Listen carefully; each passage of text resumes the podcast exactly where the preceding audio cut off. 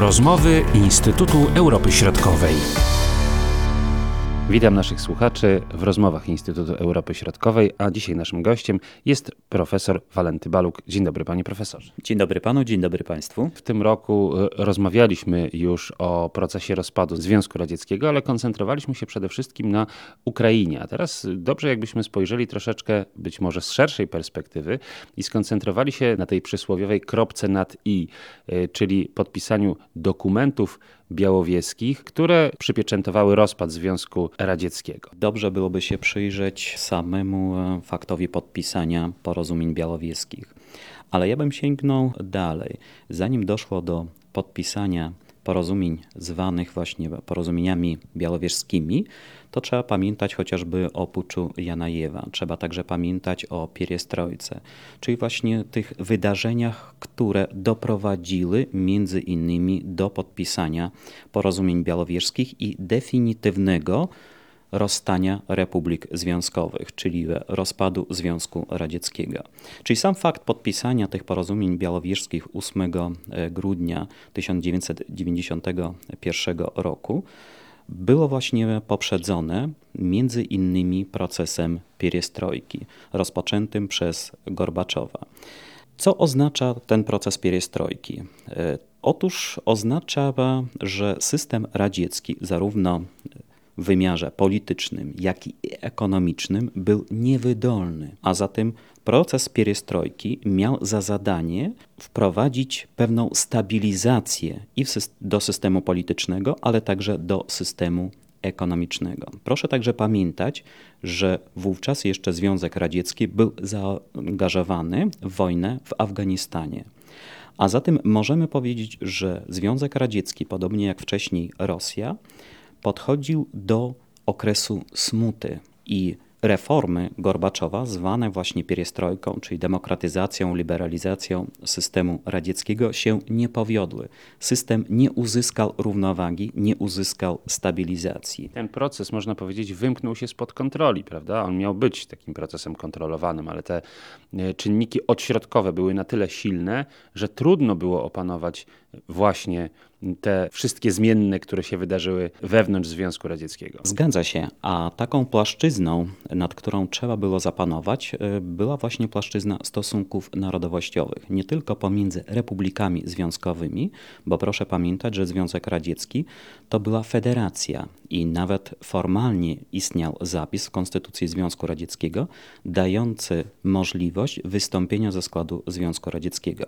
A zatem ten kryzys w wymiarze politycznym i gospodarczym doprowadził także, i słusznie tutaj pan redaktor mówi, o y, tendencjach odśrodkowych czyli właśnie dla Moskwy, dla centrum, były to właśnie ruchy separatystyczne, ale były to właśnie e, przede wszystkim ruchy narodowo-wyzwoleńcze, narodów ciemiężonych, czyli narodów bałtyckich, Ukrainy, narodów Kaukazu Południowego. Tam te tendencje odśrodkowe były najsilniejsze, najsilniejsze, szczególnie w 88, 89, 90 roku i pucz Janajewa był właśnie taką próbą powrotu twardogłowych tej właśnie części nomenklatury radzieckiej do właśnie y, początków istnienia Związku Radzieckiego, czyli tak zwanego zamordyzmu. Mieliśmy przecież konflikt zbrojny w ramach Związku Radzieckiego między Armenią a Azerbejdżanem o Górski Karabach. Sytuacje konfliktowe, one są bardzo często nierozwiązane między narodami, y, które tworzyły, współtworzyły Związek Socjalistycznych Republik Radzieckich. Oczywiście i tutaj jeżeli mówimy o tych e, tendencjach odśrodkowych, czy to właśnie e, w państwach bałtyckich, e, czy właśnie w republikach Kaukazu Południowego,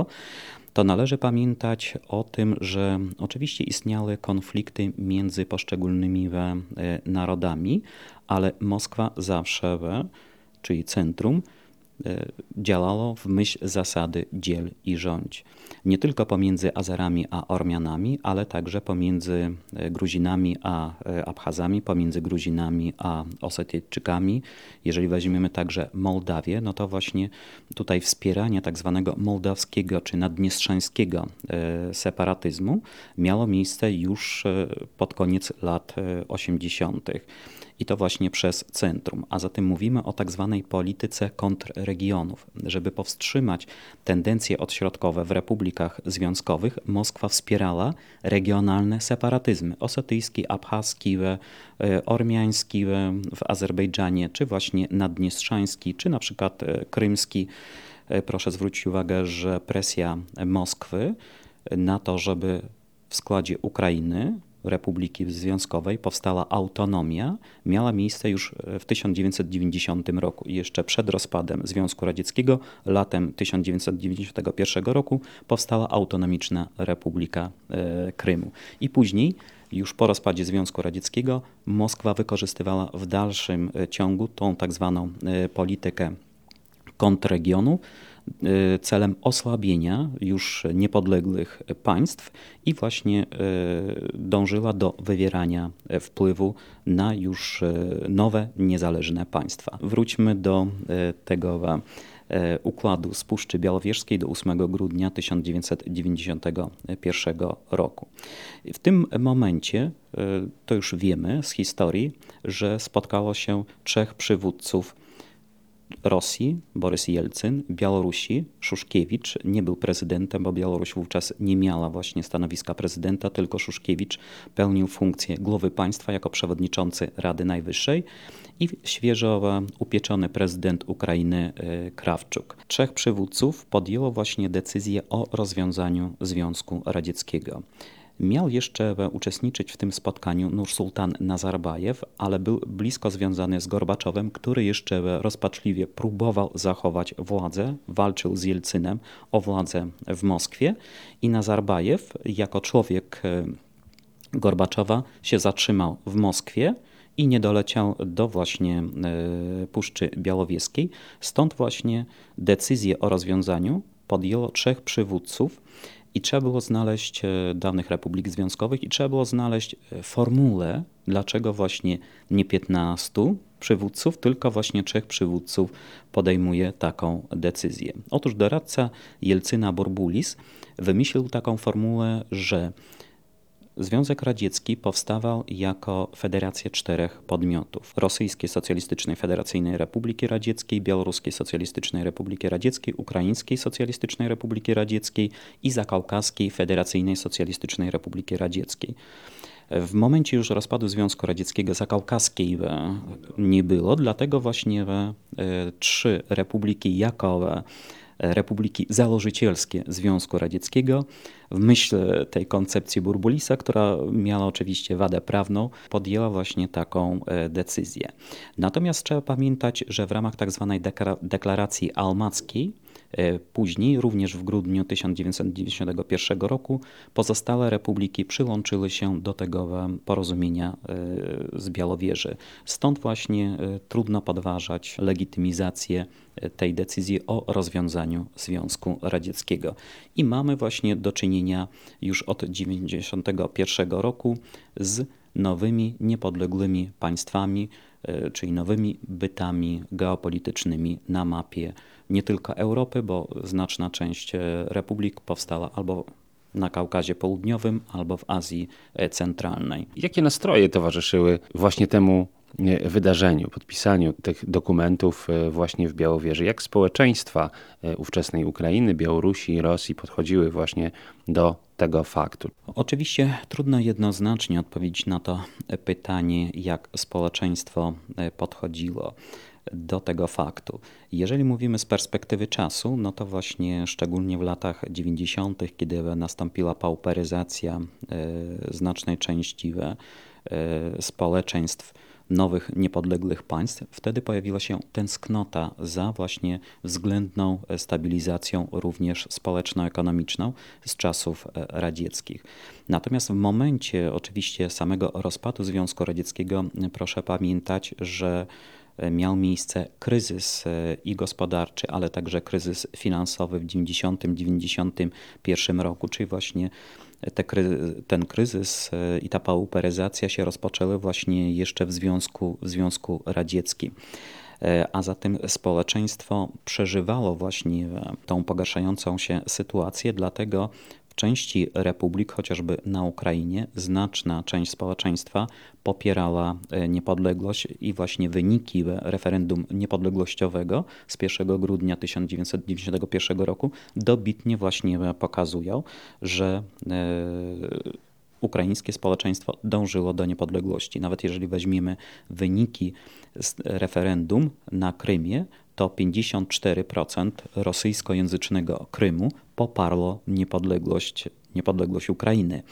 Oczywiście plany były e, świetlane, ponieważ Ukraina wówczas wytwarzała około 25% PKB Związku Radzieckiego. Potencjał olbrzymi, no ale właśnie uprzemysłowiona republika znalazła się na początku lat 90. w okresie kryzysu, restrukturyzacji i nomenklatura, nomenklatura wywodząca się z e, dawnej partii komunistycznej, no, nie poradziła sobie z reformą zarówno systemu politycznego, jak i systemu e, ekonomicznego.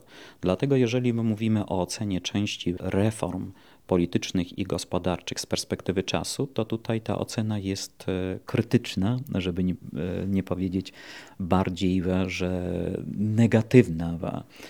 E, można było zdecydowanie więcej osiągnąć w wyniku tych przemian polityczno-ekonomicznych.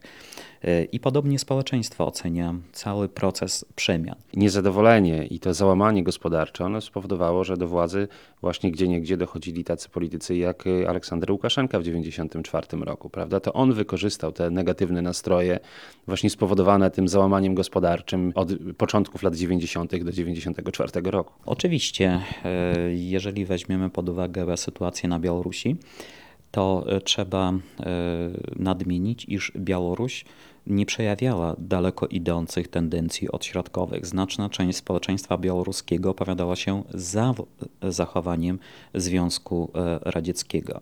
I oczywiście ówczesna białoruska nomenklatura, e, bo Białoruski Front e, Ludowy, nie miał znaczącego poparcia w społeczeństwie.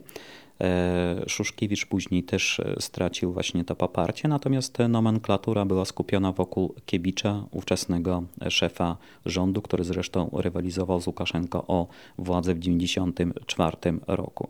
Trzeba przypomnieć, że e, Łukaszenka nie był właśnie, mm, owszem, był przedstawicielem nomenklatury, ale nie najwyższego jej szczebla.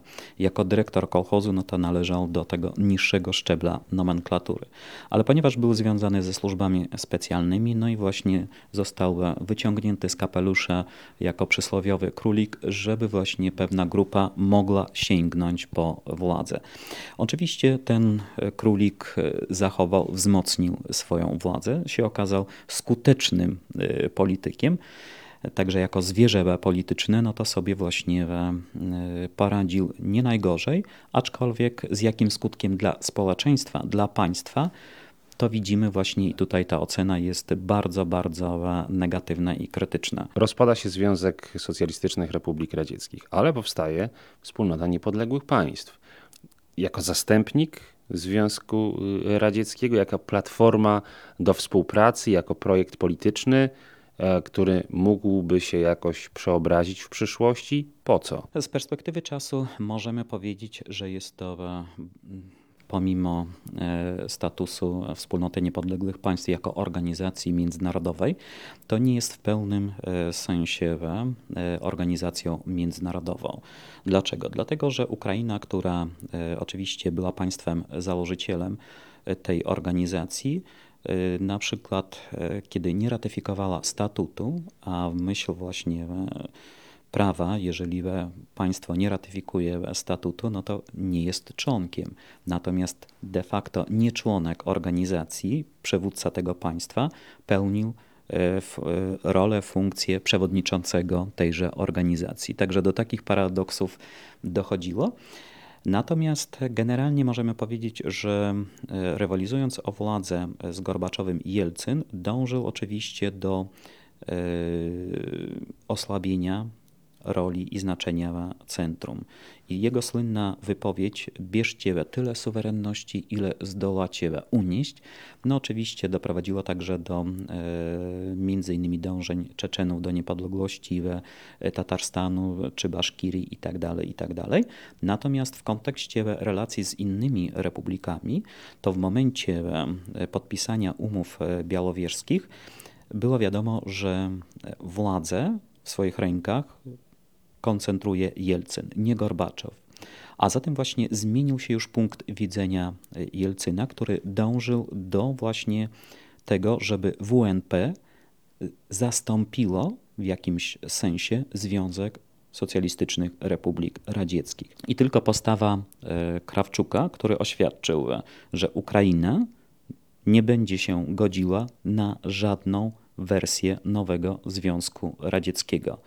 Nie wyobraża sobie, żeby WNP pełniło rolę nowego związku.